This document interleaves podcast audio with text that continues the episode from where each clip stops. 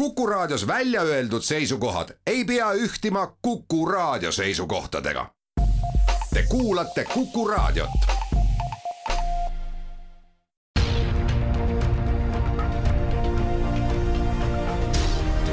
uue samba taga. sammaste taha aitab vaadata sajaaastane eestikeelne rahvusülikool tere, tänane saade tuleb usuõpetusest Eesti koolides ning religioonipedagoogika kaasprofessor Olga Šialev on tulnud mikrofoni ette teda usutlemas Madis Ligi. mitmes Eesti koolis praegu usundiõpetust jagatakse? tere minu poolt ka, noh, see on väga keeruline küsimus, millele on tegelikult ühest vastust väga keeruline anda, et ma olen iga aasta teinud äh, järelepärimist EHIS-esse ja ausalt öeldes sealt tulevad äh, andmed ei lähe tegelikkusega päris kokku. et viimane, võib-olla kõige täpsem informatsioon on see, et äh, üldse oleks hea küsida mitte ühe aasta kohta, vaid kolme aasta kohta, sellepärast et et noh, kolm aastat on üks kooliaste, et kui paljudel õpilastel on siis võimalik ühe kooliastme jooksul õppida. Ja tuleb niimoodi välja, et äh, ligikaudu, see ei ole ka ilmselt päris täpne arv, aga ligikaudu üheksakümnes koolis on usundiõpetus ja sinna tuleb lisaks veel kaksteist kristlikku kooli, kus on usuõpetus siis no siit Tartust on Treffnerist kohe näide võtta, et seal on seda tarkust jagatud ehk noorte maailmapilti avardatud, see on see põhiline ju jaa, Treffneri kool on tõepoolest äh, üks nendest koolidest, kes hakkas usundiõpetust õpetama üheksakümnendatel juba. Ja usundiõpetuse mõte on jah, avardada inimeste maailmapilti selle läbi, et õppida tundma erinevaid religioone ja seda, kuidas siis religioon ulatub ka teistesse eluvaldkondadesse, selleks et selle fenomeniga osata kriitiliselt aga ka empaatiliselt äh, ringi käia kas nendes koolides, kus on meil usundiõpetus, on see selline valikaine või kohustuslik aine? see erineb kooliti väga, selles mõttes, et alates kaks tuhat üksteist see uus riiklik õppekava ja sellega seonduv seadusandlus annab tegelikult koolile äh, väga suure niisuguse vabaduse otsustada, kuidas teha. on koole, kus on usundiõpetus äh, kohustuslik äh, näiteks mõnele õppesuunale. seesama Treffneri kool on siin hea näide, et humanitaarõppesuunale õpivad kõik õpilased. teistest õppesuundadest äh, saavad õpilased valida, et on valikkursus. on koole, kus on usundiõpetus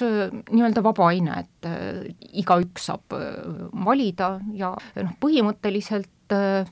kui lugeda nüüd riiklikku õppekava niimoodi täht-täheliselt, siis peaks olema nõnda, et gümnaasiumis on usundiõpetus äh, selline aine koos riigikaitsega, et kui äh, keegi õpilane tahab seda õppida, peaks kool talle seda ka pakkuma. ma ei tea muidugi neid juhtumeid, kus keegi oleks protsessinud, aga, aga jah, et ta on valikainete nimekirjas niisuguses natuke eristaatuses koos riigikaitsega, et teised valikained on valdkondade kaupa ja öeldud, et noh, kool peab äh, näiteks sotsiaalainete valikaineid nii palju pakkuma, humanitaarainete, mm, reaalainete, aga, aga jah, usundiõpetus ja riigikaitse on kaks niisugust eraldiseisvat ainet. ja kui me räägime sellest, et mis koolides usundiõpetust õpetatakse, siis äh, noh, tegelikult ongi, et gümnaasiumiastmes enamasti, et äh, need on väga üksikud koolid, kus usundiõpetus on põhikoolides, kuigi on ka neid kui pikad tavaliselt selle aine kursused on? no kõige sagedasem on see, et koolis on kas üks või kaks kaks kursust ja üks kursus tähendab siis kolmkümmend viis ainetundi, mis Äh, ma ütleks, Euroopa kontekstis on väga eriskummaline, et äh, enamuses Euroopa koolides on äh, üks, vähemalt üks kursus aasta jooksul, aga noh, näiteks kui me läheme Norra kooli, siis seal on meie niisugusesse valuutasse ümber tõlgituna, ehk siis noh, kui palju üks kursus on, on kümne aasta jooksul kakskümmend kaks kursust usundiõpetust. kes aga Eesti koolides tavaliselt usundiõpetust annavad, kas need on ajalooõpetajad, kes on teadmisi täiendanud või on kirikuõpetajad? on igasugust asja, tegelikult on ajalooõpetajad on mm, jah, tõepoolest päris palju neid, kes äh, annavad ka usundiõpetust. Äh, samas äh, usundiõpetust annavad ka teiste ainete õpetajad, meil on näiteks suurepärane usundiõpetuse õpetaja Parksepa ja Võru koolis, kes on ühtlasi kunstiõpetuse õpetaja. aga on ka informaatikaõpetajaid, mm, kehalise kasvatuse õpetajaid, aga, aga jah, et mõnedes koolides on ka vaimulikud. Ja noh, siin on oma loogika sees, eks ole, et selleks, et seda ainet anda, sul peavad olema mõningad religioonialased teadmised ja mõningad pedagoogikaalased teadmised, nii et noh, tegelikult vähemalt ideaalis on see, et üks kirikuõpetaja ei tohiks minna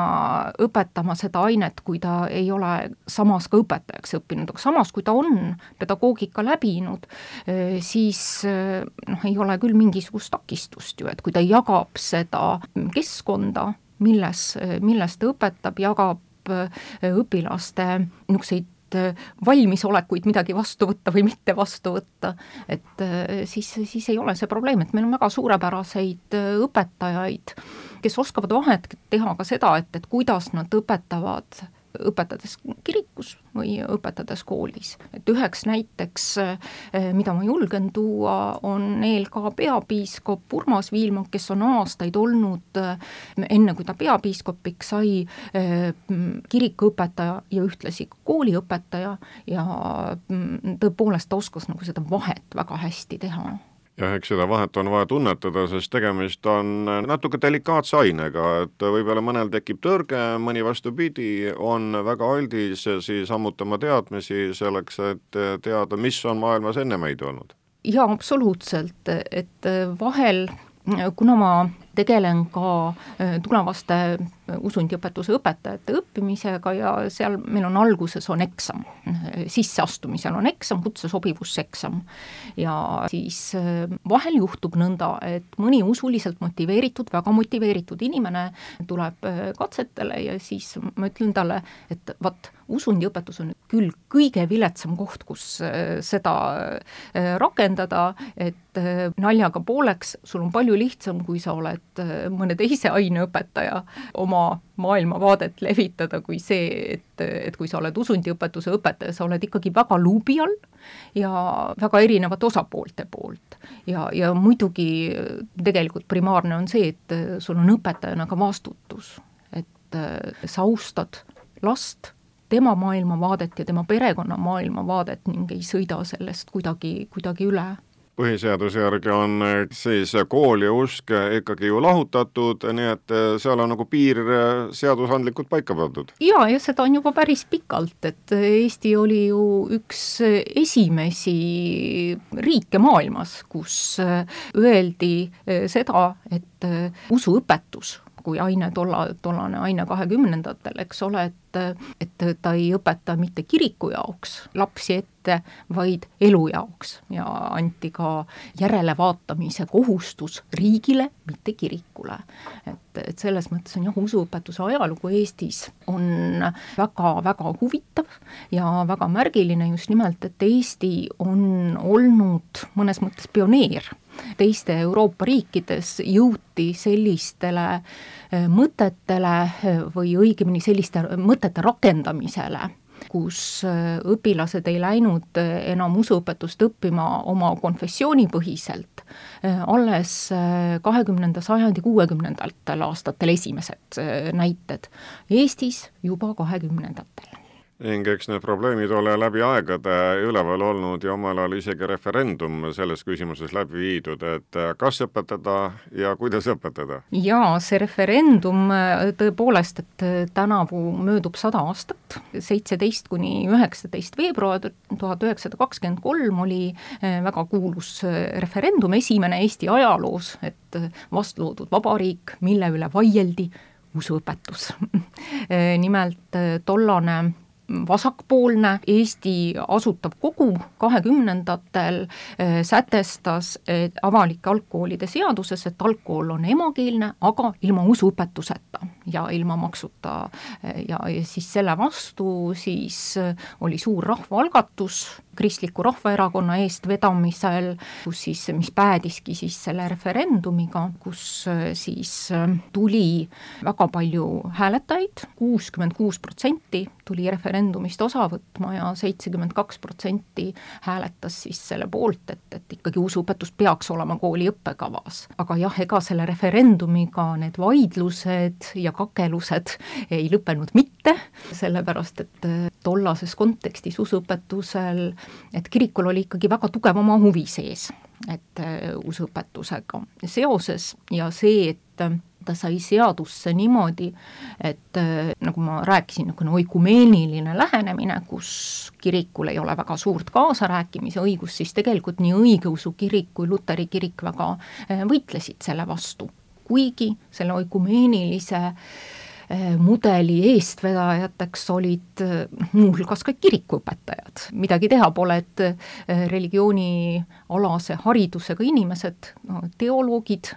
olid tihti korraga nii kirikuõpetajad kui ka usuõpetuse õpetajad, et kas või võib-olla kõige kuulsam nendest Johann Kõpp, kes oli hiljem ka Tartu Ülikooli rektor, eks ole, et tema on keskkoolide selle ainekava looja või siis noh, Peeter Põld ei olnud küll kirikuõpetaja, aga ta oli samamoodi selle teoloogilise hariduse saanud, kes siis oli algõpetuse ainekavade, uute ainekavade looja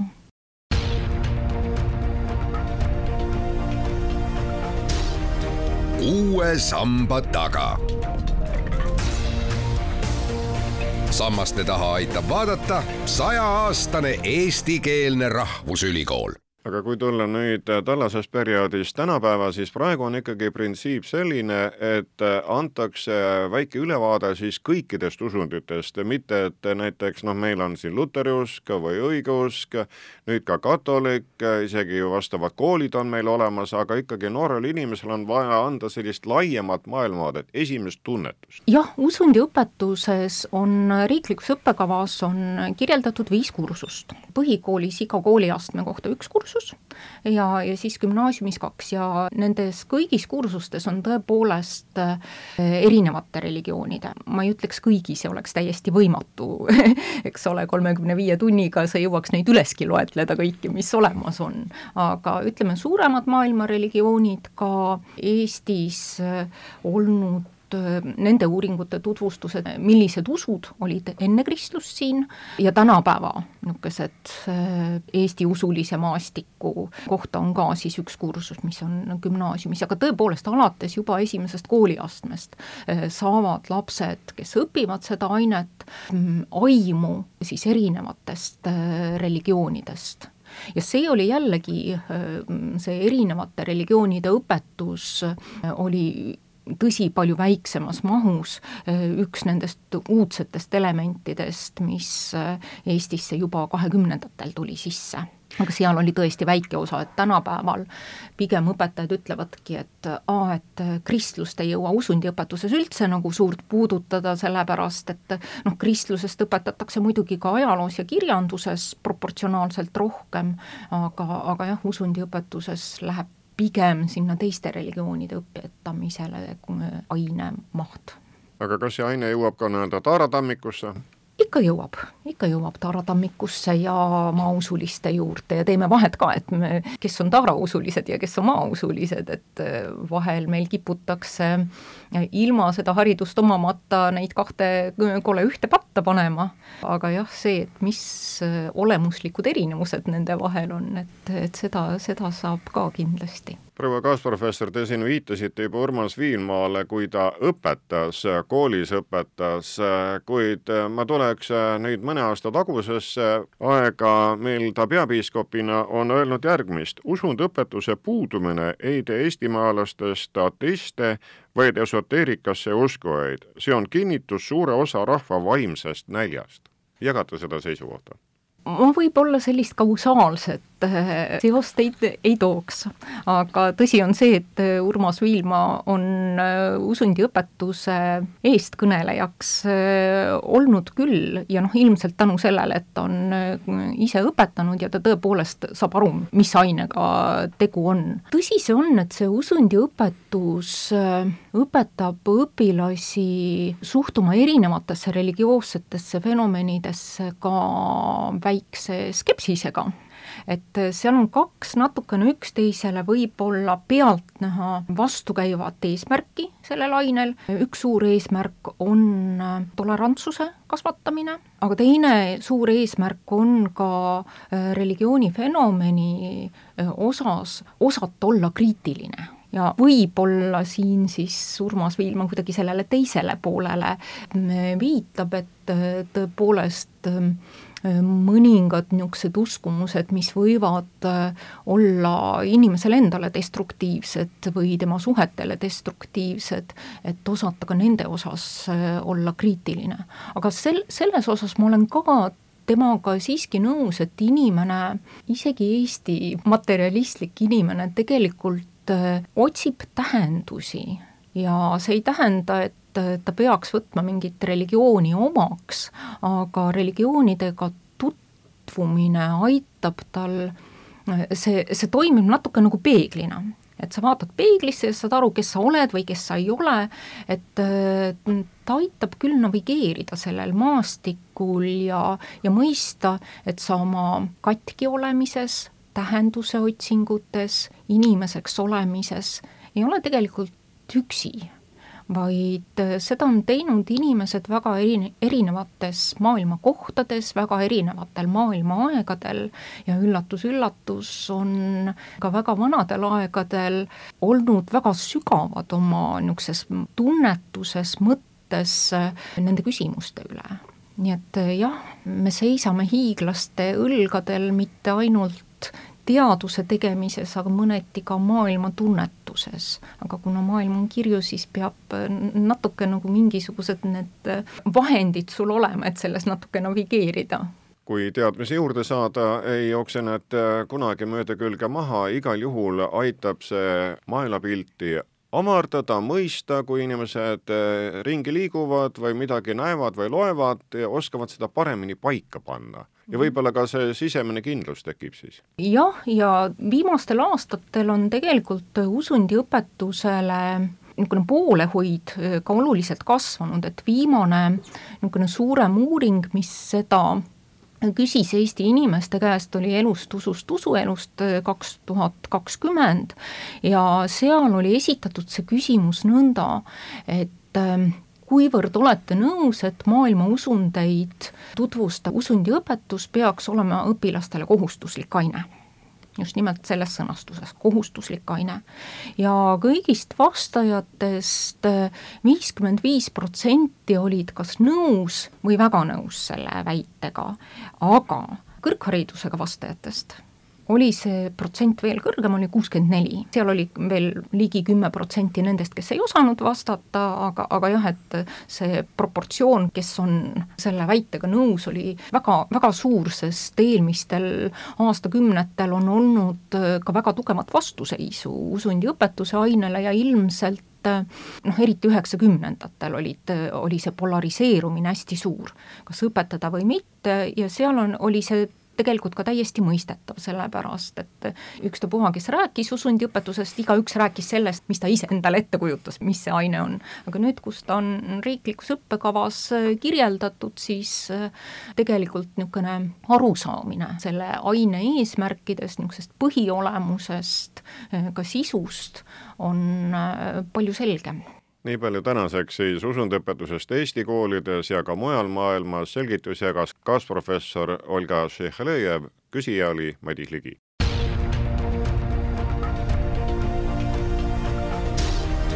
uue samba taga.